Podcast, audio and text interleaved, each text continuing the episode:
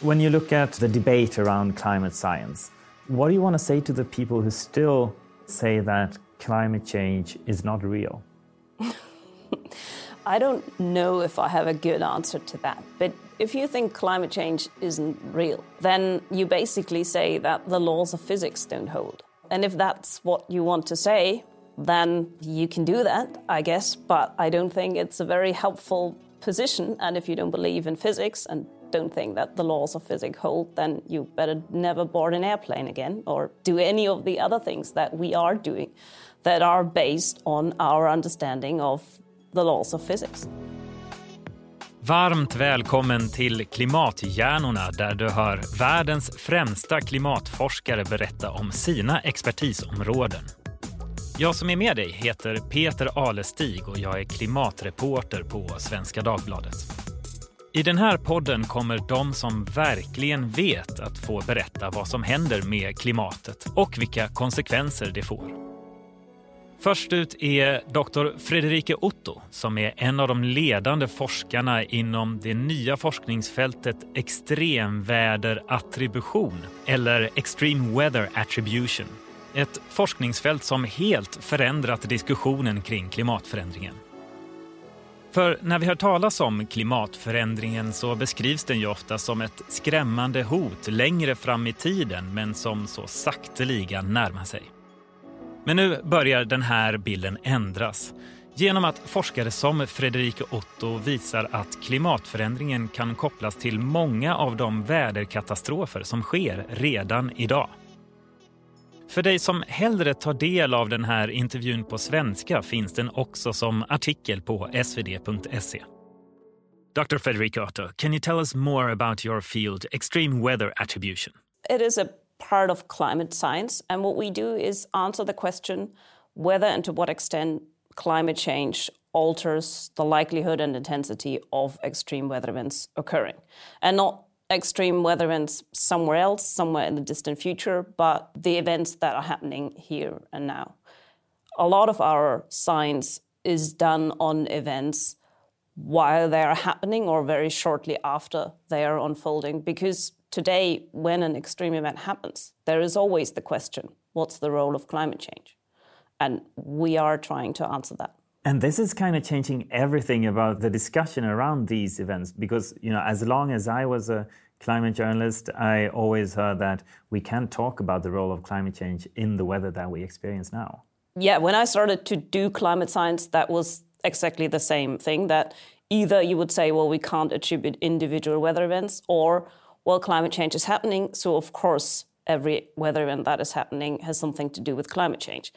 And the latter is trivially true, but it doesn't tell you anything about whether it was made more likely by climate change or less likely by climate change. And so we are now able to answer this question for not every extreme event in the world, but for an increasingly large number of events.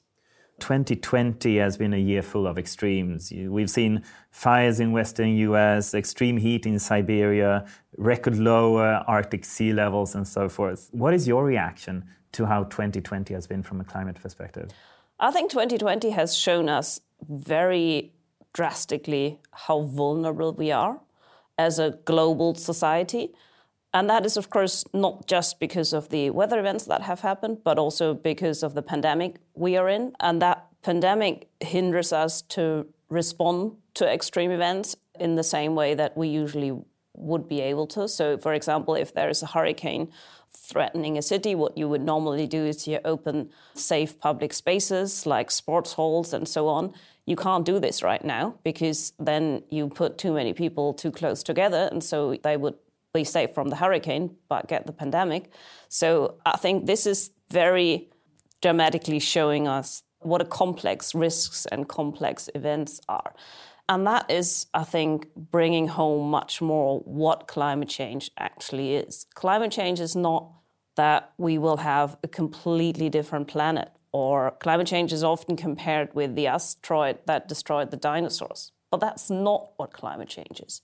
Climate change alters, manifests by changing risks of extreme weather and also rising sea levels. And that means that the extreme event might have happened anyway, but because of climate change, it's more intense or it happened more frequently. And so our ability to deal with these kind of events is diminished. And it's also that those in each society who are most vulnerable are actually paying for the impact of climate change. So it's not us so much who are suffering from climate change because we usually have well insulated houses or at least houses that are not getting too hot in heat waves and are not getting flooded. But it's those who have least money, who don't have insurance, who are paying the prices. And so, what climate change primarily does is that it increases inequality. Jag träffar Fredrika Otto på Oxfords universitet där hon har varit verksam sedan 2011 vid klimatforskningsinstitutet Environmental Change Institute. Hon är i grunden fysiker och vetenskapsfilosof och disputerade 2012 på klimatmodellers användbarhet. Och 2014 lanserade hon och några kollegor satsningen World Weather Attribution som på ett banbrytande sätt analyserar väderkatastrofer i princip samtidigt som de inträffar eller strax därefter. Och deras studier av värmeböljor, orkaner och andra väderkatastrofer skapar löpande rubriker över hela världen och har gjort Friederike Otto till en av världens just nu mest omtalade klimatforskare.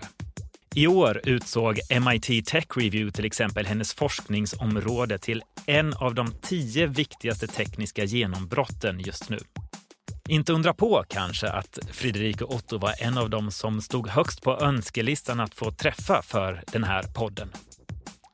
How did you end up in this field and what was it that drove you into this groundbreaking field of climate research? So, what got me into this field is the Russian heat wave. It happened in 2010, and the year later, there were two scientific articles that were published about this event. And one was having as the headline, climate change made this event five times more likely. And the other one was saying, as sort of the headline result, this event was mainly naturally in origin. And I was looking at this thinking, well, this can't be right. This sounds very much not compatible. And so I wanted to find out how the scientists came up with so different results and what actually was the role of climate change in the Russian heat wave. And I found that they were actually both right, but they asked very different questions. So the first one that had the answer, it was made five times more likely. The question they were actually asking was how does climate change increase the likelihood of record breaking heat waves? So it wasn't this particular heat waves, but just that a record is broken. And of course, if you have a trend in temperatures, so temperatures are going up, the likelihood that you hit a new record is relatively high, whereas the likelihood that you hit a low record is very low. That was how they came to their conclusion. And the other paper looked at more the anatomy of the event itself. So they were looking in very much detail of what other conditions were important for this event to develop. And so they looked into the fact that there was a relatively dry spring and what the role of the weather system itself was, and found that in these factors, climate change was not playing a major role, which is true. But for the actual temperatures itself, climate change was playing a big role. And so by reconciling these two studies, I got into the field of event attribution and thinking, well, this is actually a question that everyone asks. It's obviously not so straightforward to answer it, and it's really important what is actually the question that you ask in order for the answer to make any sense. And so from then, I really found that this was a very important question to ask and try to answer. And so, two years later, we started discussing with colleagues that maybe it would be useful not only to do these kind of studies at the time scales that usually science works, which is there is something happening, then you sit down and get the data and analyze it, and then you write it all up, you send it to a scientific journal, and then six months later or so, you might get reviews from other scientists that have reviewed your paper, and then you get corrections to do, and then you implement it, and then you send it back to the journal. And if you're lucky, a year after you have first submitted your paper, it gets published. But of course, then no one outside of science speaks about the event anymore. And so in 2014, we started to discuss well, wouldn't it be really helpful to do this faster for the types of events where we have already developed the methodologies and where we know what we are doing so that we can answer the question of the role of climate change? Well, we were very ambitious. We thought within the news cycle. I think when we so then 24 hours. yeah, if you're just crunching the numbers, you can do that in 24 hours. But the more important part is to find out what is actually the exact question that you want to ask, what is the exact event that you want to attribute, and then, of course, also checking all the numbers and writing up what you have done that is not doable in 24 hours. So we have managed to do it within a week. And I think this is still extremely useful, and it's better to do it right in a week rather than do it wrong in 24 hours. But this is still a controversial part about what you are doing. With the studies that you're conducting, you're skipping the peer review process, as it's called, for scientific publications, although your methods uh, are peer reviewed. How has this been uh, received in the scientific community? When we started very badly, um, I think is fair to say.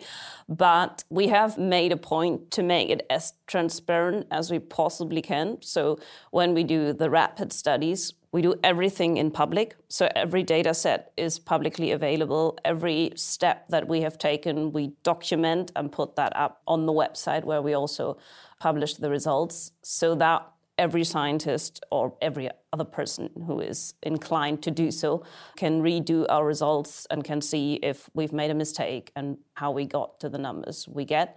And of course, also, we don't do anything new in these studies that we haven't done before for a different event with a peer reviewed study. So, all the methodologies we use, all the models that we use, they have all been through peer review.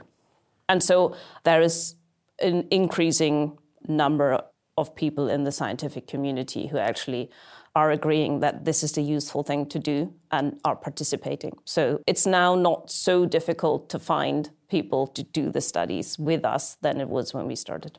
And this then quickly grew into, um, I would say, you know, at least from my perspective as a journalist, one of the most influential new steps in climate science. And it has attracted an enormous attention. Why do you think that it grew so quickly and became such a big thing? I think it's still actually a very small thing in terms of what is done in climate science. So it's a non funded project, so no one is actually paid to do this. And that's why we only do the number of studies we do and not more. But I think it is answering a question that people have. What we have shown with this science when we started is that climate change is not something that happens sometime in the future to someone else, but it is actually happening here and now to all of us. It's happening in our backyards, and it's pretty much doesn't matter where your backyard is. So, with that, we actually bring the intellectual understanding that we all have to some degree about climate change together with the experience we have in our daily lives. And I think that is a very important way to understand what climate change means. Redan idag är planeten ungefär en grad varmare än den var för omkring 100 år sedan. Och det är på grund av människans utsläpp av växthusgaser. Uppvärmningen syns till exempel i det faktum att de fem senaste åren är de fem varmaste som någonsin uppmätts globalt. I Parisavtalet 2015 enades världens ledare om att uppvärmningen ska begränsas till så nära en och en halv grader som möjligt till sekelskiftet. Men det är ett tufft mål. Just nu ser världen ut att nå en och en halv grader redan om några få årtionden.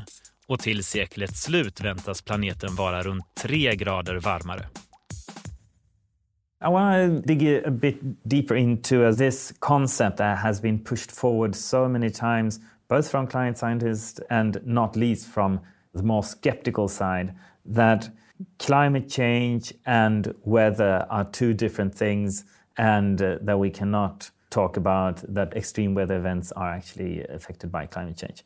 Now, this is the exact thing that you are researching. But what's your response to the people who stick to the old truth then? Well, it's definitely true that climate is not the same as weather, but that doesn't mean that climate doesn't influence weather. So, what climate is, is ultimately average weather. But that also means that the weather events that are happening, extreme or not, they are the possible weather events within a frame or a range that is given by the climate. And if you change the climate, then of course this range of possible weather is changing. And so that's how climate change can affect weather, in that it changes the likelihood of certain types of weather events to occur. And how important would you say that climate change is for how the weather works on the planet Earth? How big an influence is climate change in this? That is very much dependent on the type of weather. So there are basically two ways of how climate change affects weather. One is what, what we would call the thermodynamic effect or just the warming effect. So you have more greenhouse gases in the atmosphere. So the atmosphere overall gets warmer. That means on a global average, you have a higher likelihood of heat waves, a lower likelihood of cold waves. And also a warmer atmosphere can hold more water vapor and that Ja, här blir det lite komplicerat så vi tar det på svenska.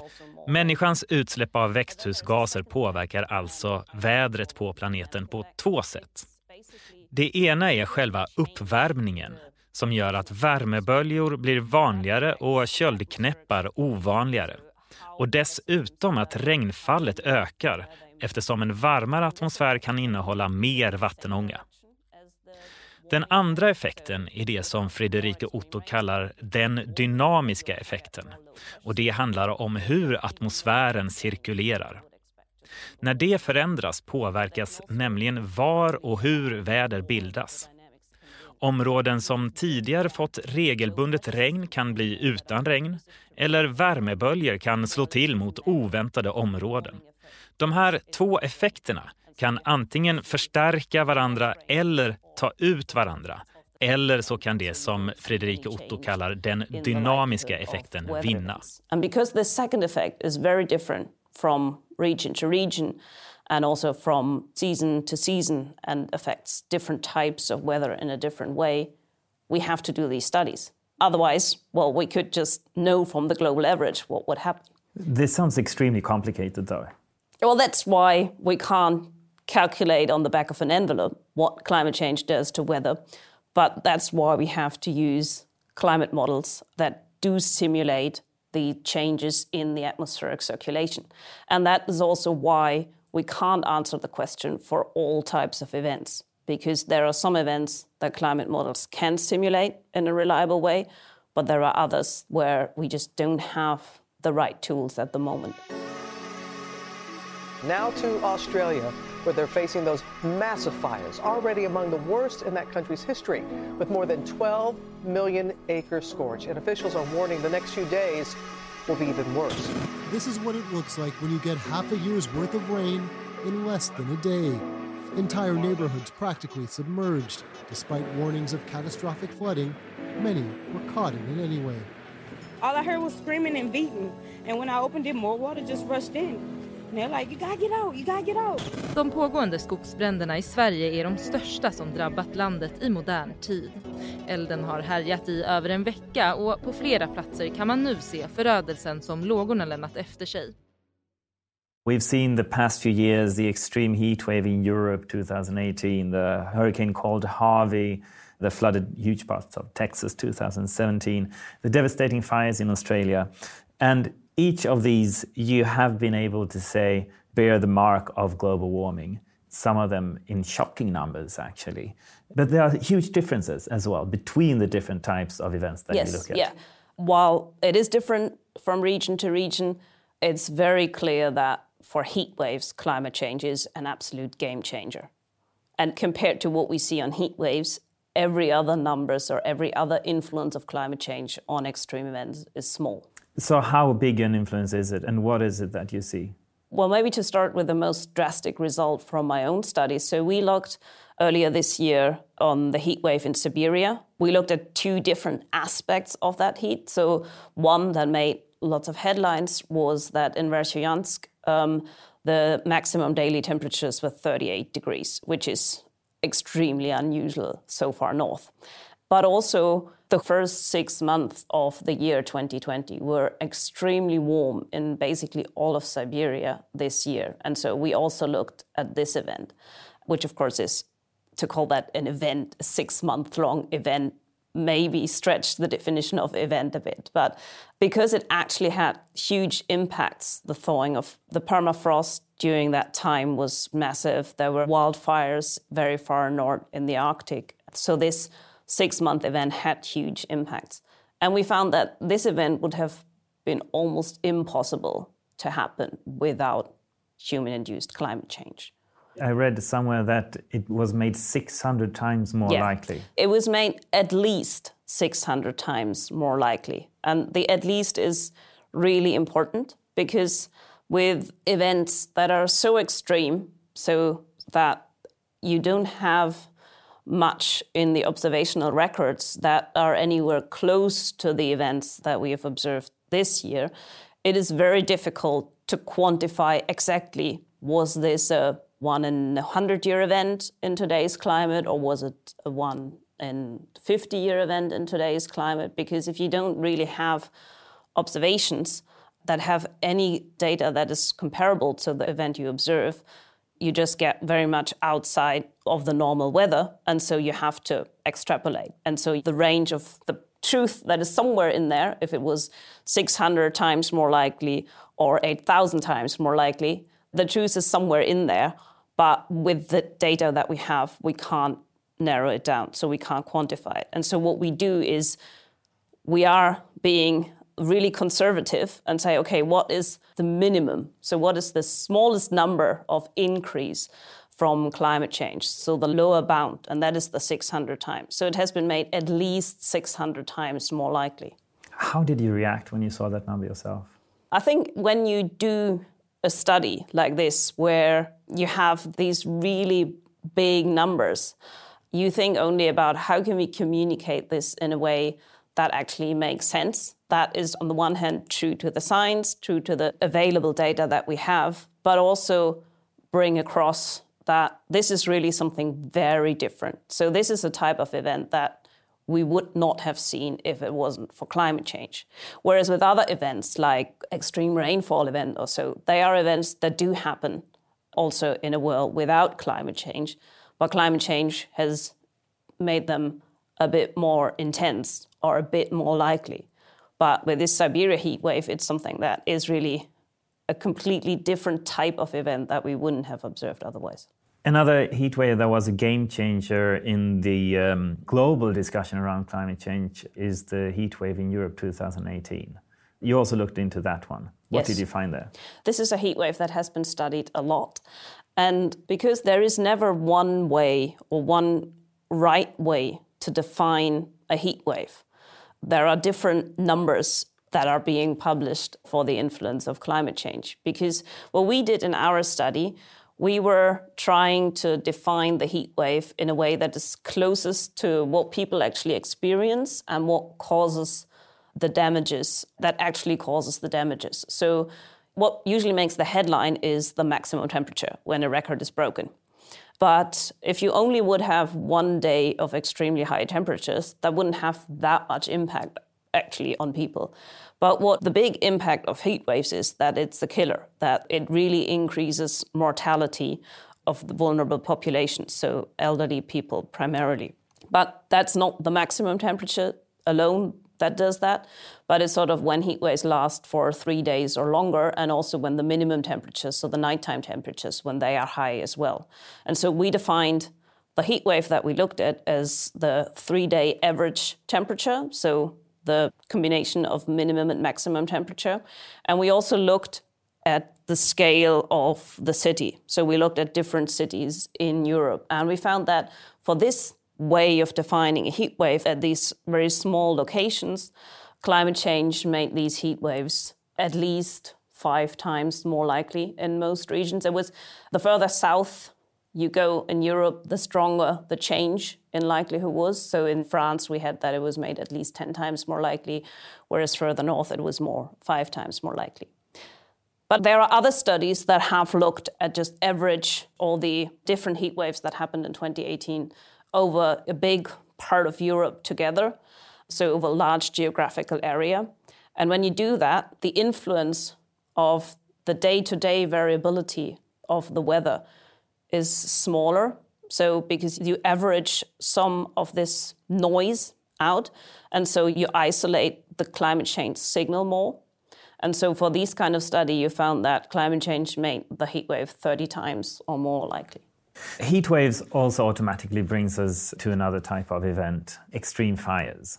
And uh, last winter, an area almost as big as England was burnt in Australia and with horrible consequences, such as a billion animals was estimated to die. And in this case, the topic of climate change was also incredibly sensitive uh, in the political debate. Several people said that climate change had nothing to do with it, and even the Prime Minister, Scott Morrison, downplayed the role of climate change.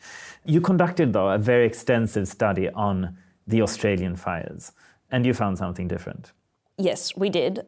But of course, it's true that wildfires are a very complex type of extreme weather. And I've already said that there are even several ways of defining a heat wave, and what is the right way is really dependent on what you're vulnerable to, what is the right way for you. There is no one way to do that. And for wildfires, there are many more different factors that come into play that actually make a wildfire. So, from the weather side alone, fire weather so weather that is conducive to wildfires, is a combination of extreme temperatures and low humidity and also high wind speeds. But then, of course, it also plays a role whether there's fuel available. So, just where does this fire weather occur and how dry the fuel is. So, therefore, it's important whether there was a drought or not. And then, of course, there are also other aspects that are completely outside the natural system that have something to do with forest management and where people build villages and houses and so on. That, of course, has an important role for the damages that occur. And so, what we have done in this study is we have looked only at the meteorological conditions, so the fire weather, so where climate change can have an influence on. And we used a fire weather index, so which is an index that combines these different aspects that are important, so the high temperatures, low humidity, and the wind speeds, and found that for this index, climate change made this kind of fire weather conditions that happened in the Australian summer 2019 2020 at least 30% more likely. And then we also looked at which aspect of the fire weather that was mainly responsible for this increase in fire weather. And so we also looked at the heat separately and at the drought component separately. And we found that it was indeed primarily the extreme heat where climate change really changed the intensity and likelihood. But there was no change in the drought likelihood for this fire. I think a lot of people automatically think about the fires in western US when they uh, hear about the likelihood of uh, fires and uh, how climate change is changing it. What can you say there? We haven't published a, a study on the California fires. We have looked at some data, and what we see there as well is that the heat component, there also climate change is increasing the likelihood and the intensity very much. There is no obvious signal in the drought so the story of the role of climate change in these fires is probably very similar to the one that we've seen in Australia. But I think it's important to say that yes, climate change is making these fires more likely and more intense. But it's also important to highlight these fires are not happening just because of climate change. Both California and Australia are ecosystems that naturally have fires. And so it is also important to look at the role of management and warehouses are built in order to deal with these fires. Listan på vilka typer av extremväder som Fredrike Otto och hennes kollegor tittar på är ganska lång. Det handlar om värmeböljor, extrem torka och bränder, men också orkaner, stormar och översvämningar. Och rent av köldknäppar, där de bland annat tittat på hur även extremt kalla perioder har blivit varmare på grund av människans utsläpp av växthusgaser. So now we've been talking about extreme heat waves and hurricanes and wildfires and all of these things on different levels becoming worse already today because of climate change. This, of course, has huge implications as well when it comes to policies. And what do you see for yourself? What are the implications of your research? I think one of the implications that I'm very happy about is that it actually leads to heat waves being taken more seriously, also here in Europe. And I think this is partly due to the media always talking about heat waves with pictures from people on the beach being happy. The fact that, for example, if you look at the mortality data in France, you see a big spike in 2020, that's COVID, and you see a big spike in 2003, and that was the 2003 heat wave. So heat waves are killers, and given that we have already one degree of global warming, heat waves have really changed in their likelihood and their intensity in Europe. And now most of the national governments in Europe have heat wave action plans so that when heat waves are forecast that people are warned about heat waves that public buildings are being opened so people can go cool down there's water available and things like that. So i think that is a very positive effect of it. And i think that's one of the main drivers for me for doing this kind of research is to understand what the impacts of climate change today are and that the public debate about climate change is always either doom or denial. But of course the reality is that yes climate change is happening and it's happening here and now. It has very bad consequences but it's also not everything bad happening in the world is because of climate change. So i think the truth is never black and white. And I think I try, at least with our studies, to not always, and I think we need to get better at that, to also look at the influence of vulnerability and exposure. So, who's in harm's way in terms of what actually then leads to a disaster. And uh, how vulnerable are we today? How ready are we today for this increase extreme weather events that we are seeing? Not very ready at all. And I think this is the really important aspect of results like the ones for the bushfires in Australia, where we find that climate change made these at least 30% more likely. So 30% more likely is a small number compared to the orders of magnitude more likely you have with the Siberian heat wave.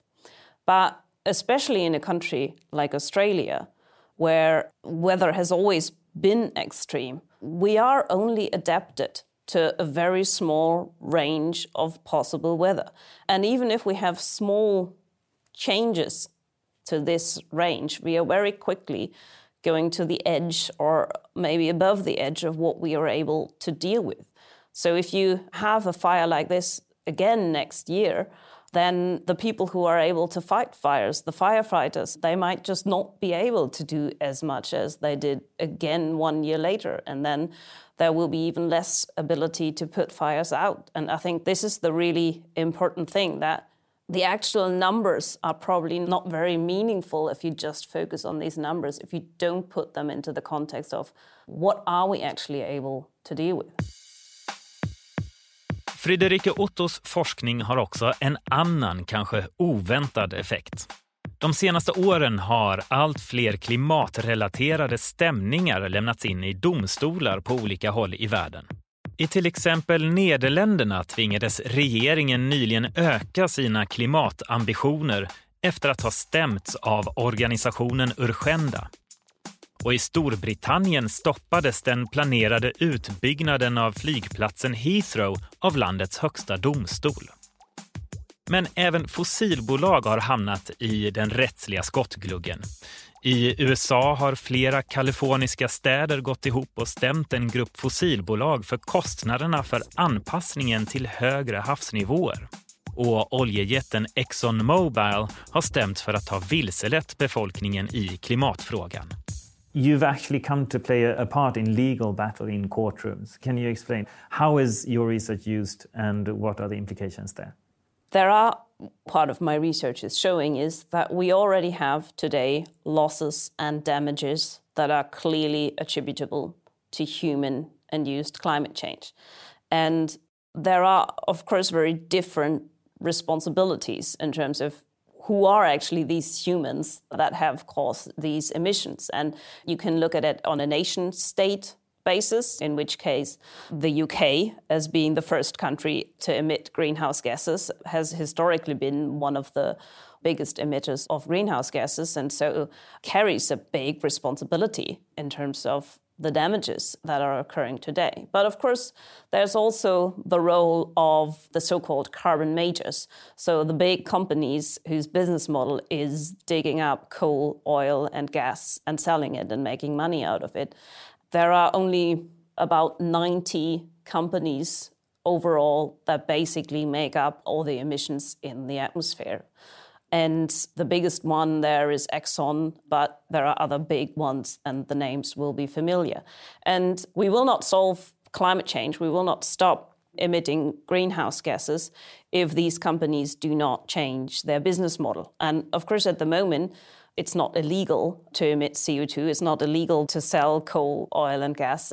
There is no incentive to change the business model. Even with the Paris Agreement, there has not been any legislation put in place that actually really leads to the global economic system that we live on to change to one that is not built on burning fossil fuels. And so, one way to maybe speed up this process so that these companies do change their business model is to sue them in court for the damages that have occurred from the emissions that they have put into the atmosphere.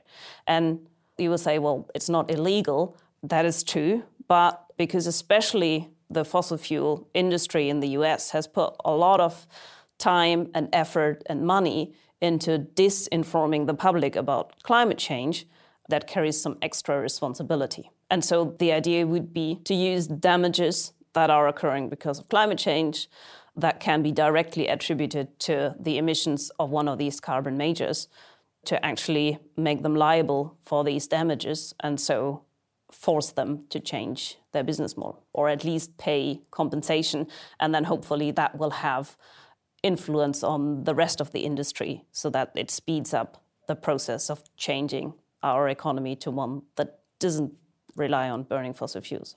But this hasn't happened yet, though, right? Nobody has sued and won against a company saying that you caused, for instance, the extreme heat in Siberia or. No one has sued and won yet. That is true. There is currently an ongoing case in Germany where a Peruvian farmer is suing RWE for the damages occurring because of glacier melt in the area of the city where he lives in. The case is still ongoing, so the jury is open there, and there it's actually at a state where now the scientific evidence is looked at. There have been quite a few other cases that have been brought to court that haven't made it very far. All of them failed because of legal issues. So this has never really been tried then? It has never really been tried. And this is partly because the science is only relatively new. It's partly because there is, at the moment, with these cases that are being brought, there's a mismatch between the scientific evidence that has actually been used in the cases and what we can do in terms of the science. So, quite often, cases are brought in areas of the world where the data is very poor. So, it's very hard to actually have robust scientific evidence just because we don't have the right observational data to actually say with confidence this is climate change or not. In contrast to other, there are lots of cases where you have a very clear and robust climate change signal, but they are not the ones that are disputed in court at the moment. But part of the work that I'm doing at the moment is to bring these two things together. So to work with lawyers. Um, the courts are only lawyers, judges are part of society. And so, of course, the scientific understanding of the wider public is sort of representative of the scientific understanding of judges. And I think if there is a new science, it just takes some time for that to be accepted general knowledge about causality before it actually will lead to a successful court decision. Because, of course, as a judge, you do not want to make a mistake with this because when such a case will be successful, that will have huge implications. Do you expect it to happen? Yes. We've been talking about the extreme weather that we see today already and how climate change is influencing that. But climate change has not stopped. Looking forward, what do you see? How worried are you about the future and what's to come?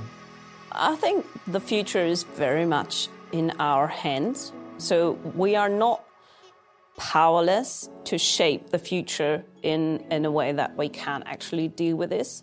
All of the extreme events that we have looked at, and of course, you can do the same studies that we do with the past, with the world that might have been, we can do exactly the same thing also for the future. So today we live in a one degree world.